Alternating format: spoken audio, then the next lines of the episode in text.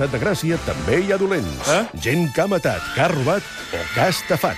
I sí, al nostre estat, com a tots els altres, els dolents ens repugnen, però sovint també ens fascinen. Mm. I ningú els coneix millor que el nostre ministre d'Afers Foscos, l'il·lustre, què dic il·lustre, il·lustríssim Carles Porta. Passar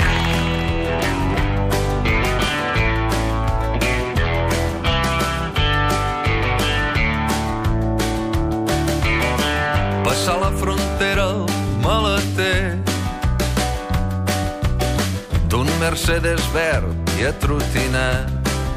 Històries de mitja tarda, ja ho sabeu, amb el Carles Porta, que ens porta sempre històries que ens posa una mica la pell de gallina, i en aquest cas jo crec que és la primera vegada que fem amb el Carles Porta. Bona tarda, Carles. Hola, hola, hola. És la primera vegada que retornem a un cas.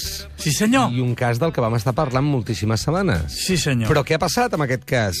Ja ho vam dir en el seu moment, era un cas que s'estava esdevenint mentre nosaltres l'estàvem explicant, s'estava jutjant, s'estava investigant. Per tant, han sortit informacions noves molt potents sobre el cas del crim de la Guàrdia Urbana, Carles. Sí. A mi no m'agrada especialment, ho he dit moltes vegades, parlar de casos que estan oberts. Primer perquè eh, va continuar la investigació, es va produint coses, i d'aquesta manera gairebé és allò que en diuen com si féssim una mena de judici paral·lel, que no m'agrada gens. Per això intento centrar-me molt en què passa, què diuen les parts, etc etc.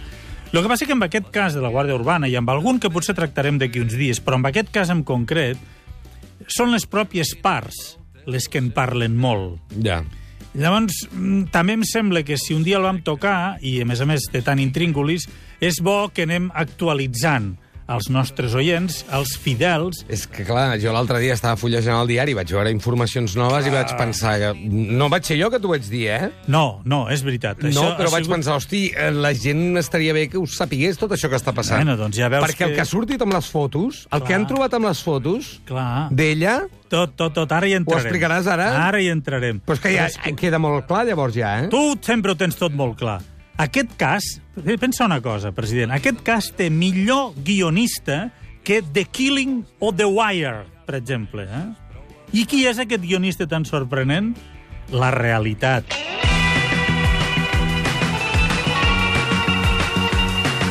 Doncs ara veurem què ens porta la realitat aquestes novetats. De moment el que fem és una mica de resum. Expliquem aquest cas, que van batejar com el crim de la Guàrdia Urbana, perquè els tres implicats, ja ho sabeu, principals són o eren agents de la Guàrdia Urbana de Barcelona. Van començar aquest cas el 4 de maig de 2017, ara farà un any, quan es va trobar un cotxe calcinat al costat del pantà de Foix. I al maleter hi havia el cadàver també calcinat de l'agent Pedro Rodríguez. El Pedro era el company de la també Guàrdia Urbana Rosa Peral, que vivia en un xalet d'una urbanització de Vilanova i la Geltrú. La Rosa havia tingut, o tenia, això encara està per aclarir, una afer amb un altre guàrdia urbà, que es diu Albert López. Els Mossos, en un primer moment, van arribar a sospitar del primer marit de la Rosa, un noi que es diu Rubén i que és mosso d'esquadra, però de seguida van veure que la cosa anava per un altre camí. I el 14 de maig, 10 dies després de trobar-se el cos, van detenir la Rosa i l'Albert acusant-los tots dos d'haver matat el Pedro. Des d'aquell dia s'ha produït un creuament d'acusacions impressionant entre la Rosa i l'Albert. I la trama no ha parat de complicar-se. Per això fem aquesta recopilació. Comencem. Quan nosaltres en vam fer 10 capítols, el més llarg de les històries de mitja tarda que hem Sí, fet fins ara, sí, senyor. sempre recordàvem que si algú vol fer de jurat popular, que no ens escoltés. És veritat que ho deies. Però em sembla que ara per ara no hi deu haver gaire gent que no hagi sentit a parlar del crim de la Guàrdia Urbana, perquè cada setmana surten coses noves i sorprenents. Nosaltres vam deixar el cas dient que s'havia trobat una bala al cos calcinat del difunt. Els forenses, com que el cos estava totalment calcinat i només es van recuperar trossets d'ossos, no havien pogut determinar amb exactitud les causes de la mort. Doncs sis mesos després van deduir que un objecte metàl·lic que hi havia entre la cendra era una bala del calímetre 9, del calibre 9, uh -huh. el mateix que fa servir la Guàrdia Urbana. Els investigadors van revisar les armes del Pedro, el difunt, Sí. i de la Rosa i l'Albert, els suposats autors, i van trobar que a l'arma de la Rosa hi faltava una bala. Però l'arma havia estat dipositada a l'armeria de la caserna de la policia de Barcelona i, Sí. per tant, no es podia determinar qui l'havia utilitzat. Però jo me'n recordo que vas explicar que a l'armeria no hi havia càmeres, no? Exacte. Per tant, ni registre d'entrada i sortida. Que és poc pràctic, també t'ho diré tot això, eh? Bueno, escolta, està dintre de la caserna de la Guàrdia Urbana, que hem de sospitar, també. Ja. Clar, Segur que ara hi ha càmeres. Pues, no sé, o potser un registre de qui la entra i qui la treu i tot això. A més, no deuen ser pocs, són molts. D'acord, d'acord, d'acord. Seguim, seguim. En aquest punt, sembla que la causa de la mort podia haver sigut un tret de, de pistola. Però vet aquí que una companya de presó de la Rosa Peral va fer una declaració sorprenent. La companya de presó va declarar que la Rosa li havia dit en confidència Sí? que ella havia enverinat el Pedro i que no comprenia com no se n'havien adonat. També et diré que aquestes converses eh, em sembla al·lucinant que les tinguin, eh? No? Però, bueno, estàs a dins d'una celda, estàs eh, potser en un moment de baixón... Ja, ja, ja, ja, ja. No sé, necessites parlar amb algú. A més, la Rosa precisament era una dona molt xerraire. Sí, és veritat, això ho havien Però, un moment, no correm. Això és el que ha dit la, de, La companya la, de cel·la. companya de presó. Sí. Eh? La Rosa, òbviament, ho va negar. dit. Ahà. I va dir que la xivata s'ho havia inventat. I per què una companya de cel·la s'ho hauria inventat? Doncs, segons la Rosa, perquè aquesta xivata... Ella li deia xivata. No, això li dic Ah, jo. val, val, val. Però, bueno, eh, Sí, sí, sí, sí, sí, és un terme col·loquial. Absolutament. Doncs que aquesta companya de celda s'havia enamorat d'ella. I com que la Rosa l'havia rebutjat, Ai, senyor. L'altre s'havia inventat la mentida per fer-li mal. L'enamorada enfadada es diu Jennifer. Però clar, la pregunta és... S'ha pogut demostrar si el difunt va ser enverinat? De moment no. Però la cosa no s'acaba aquí.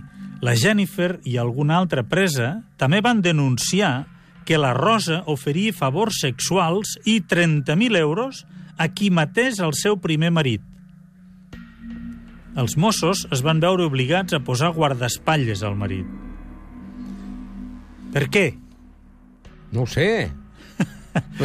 Li van posar guardaespatlles perquè es van creure la versió. Sí. Per què la Rosa hauria volgut matar amb aquest senyor? Si no tenia res a veure amb la història. perquè tenien dos filles, tenen Ah, val, val, dos val, filles val. en comú, i ella deia que el marit no deixava que els pares de la Rosa veguessin aquestes nenes. Val, val, val, val, val. I vés a Està saber- molt ressentida amb aquest noi. Ah, exacte. Vés a saber el nivell de ressentiment que hi hauria darrere d'això. Però això, insisteixo, és el que les companyes de presó de la Rosa van dir de la Rosa. Eh? Només és una denúncia. Al cap d'uns dies, i davant d'aquest ball de denúncies i embolics, la Rosa Peral va ser traslladada de Batràs a Cambrians i una de les amigues que havia fet a la presó i que s'havia quedat a Batràs, de nom Clàudia, li va escriure una carta dient-li que ella l'ajudaria i declararia favor seu perquè el que li estaven fent la Jennifer i les altres preses era una injustícia. La Clàudia corroborava que tot es devia a una revenja per gelosia de la Jennifer, que no va acceptar que la Rosa no volgués tenir sexe amb dones. Sabeu què? Què? Al cap d'uns dies d'haver enviat la carta, la Clàudia, que hauria sigut un testimoni molt important a favor de la Sí, Rosa, què va passar? va aparèixer morta a la seva cel·la. No! Per què? Havia mort, teòricament, asfixiada i per sobredosi. Asfixiada per una bosa de plàstic que portava al cap. La va matar. La versió oficial és que es va suïcidar. I la Rosa es va quedar sense un testimoni important. Però com t'has de suïcidar amb una bossa? Te la treus. O sigui, quan t'estàs ofegant, te la treus.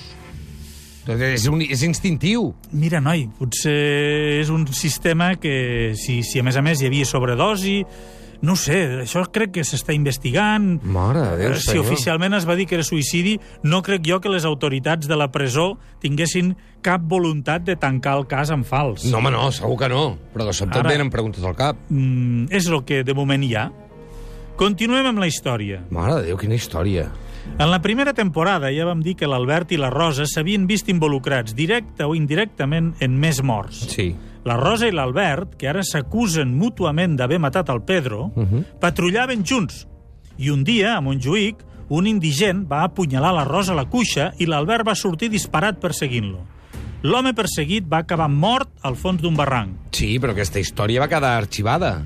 Però la investigació va decidir... La mateixa... Va quedar arxivada No et posis nerviós, eh? És que em destarotes.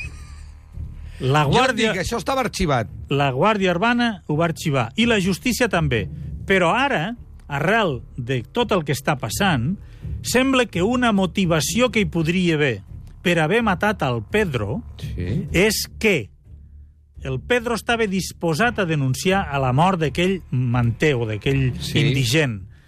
I la jutge de Vilanova va voler reobrir el cas d'aquest indigent. D'acord. Que afectava directament a l'amant de la Rosa. Exactament.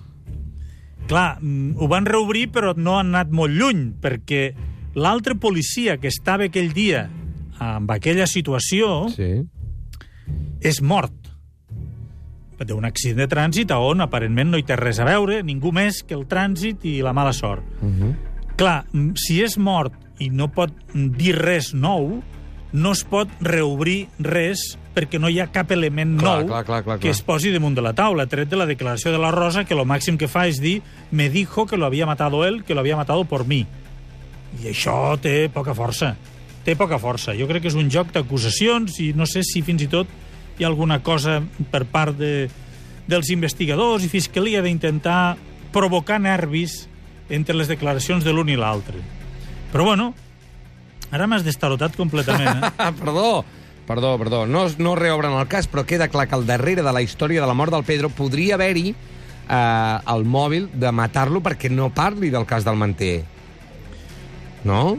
Aquesta seria una de les possibilitats. La qüestió és que les últimes setmanes ha aparegut a la partida, amb tota aquesta partida, el Carlos Quílez, històric periodista de successos que ara treballa al digital Crònica Global. Sí. I aquest noi està publicant tot el que pot, i més, a favor de la versió que afavoreix la Rosa Peral. Uh. És a dir, que qui va matar el Pedro va ser l'Albert, tot sol, i que ella no sabia res de res. Fins i tot que no sabia que el Pedro era dins del maleter del cotxe.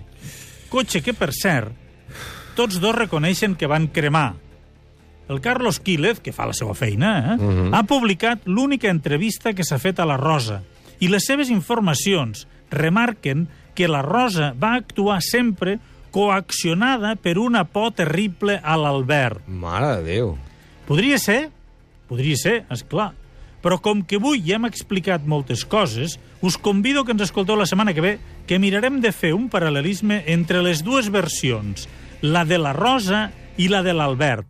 A veure si en traiem l'entrellat, perquè en aquests moments tot pivote sobre dues versions molt clares.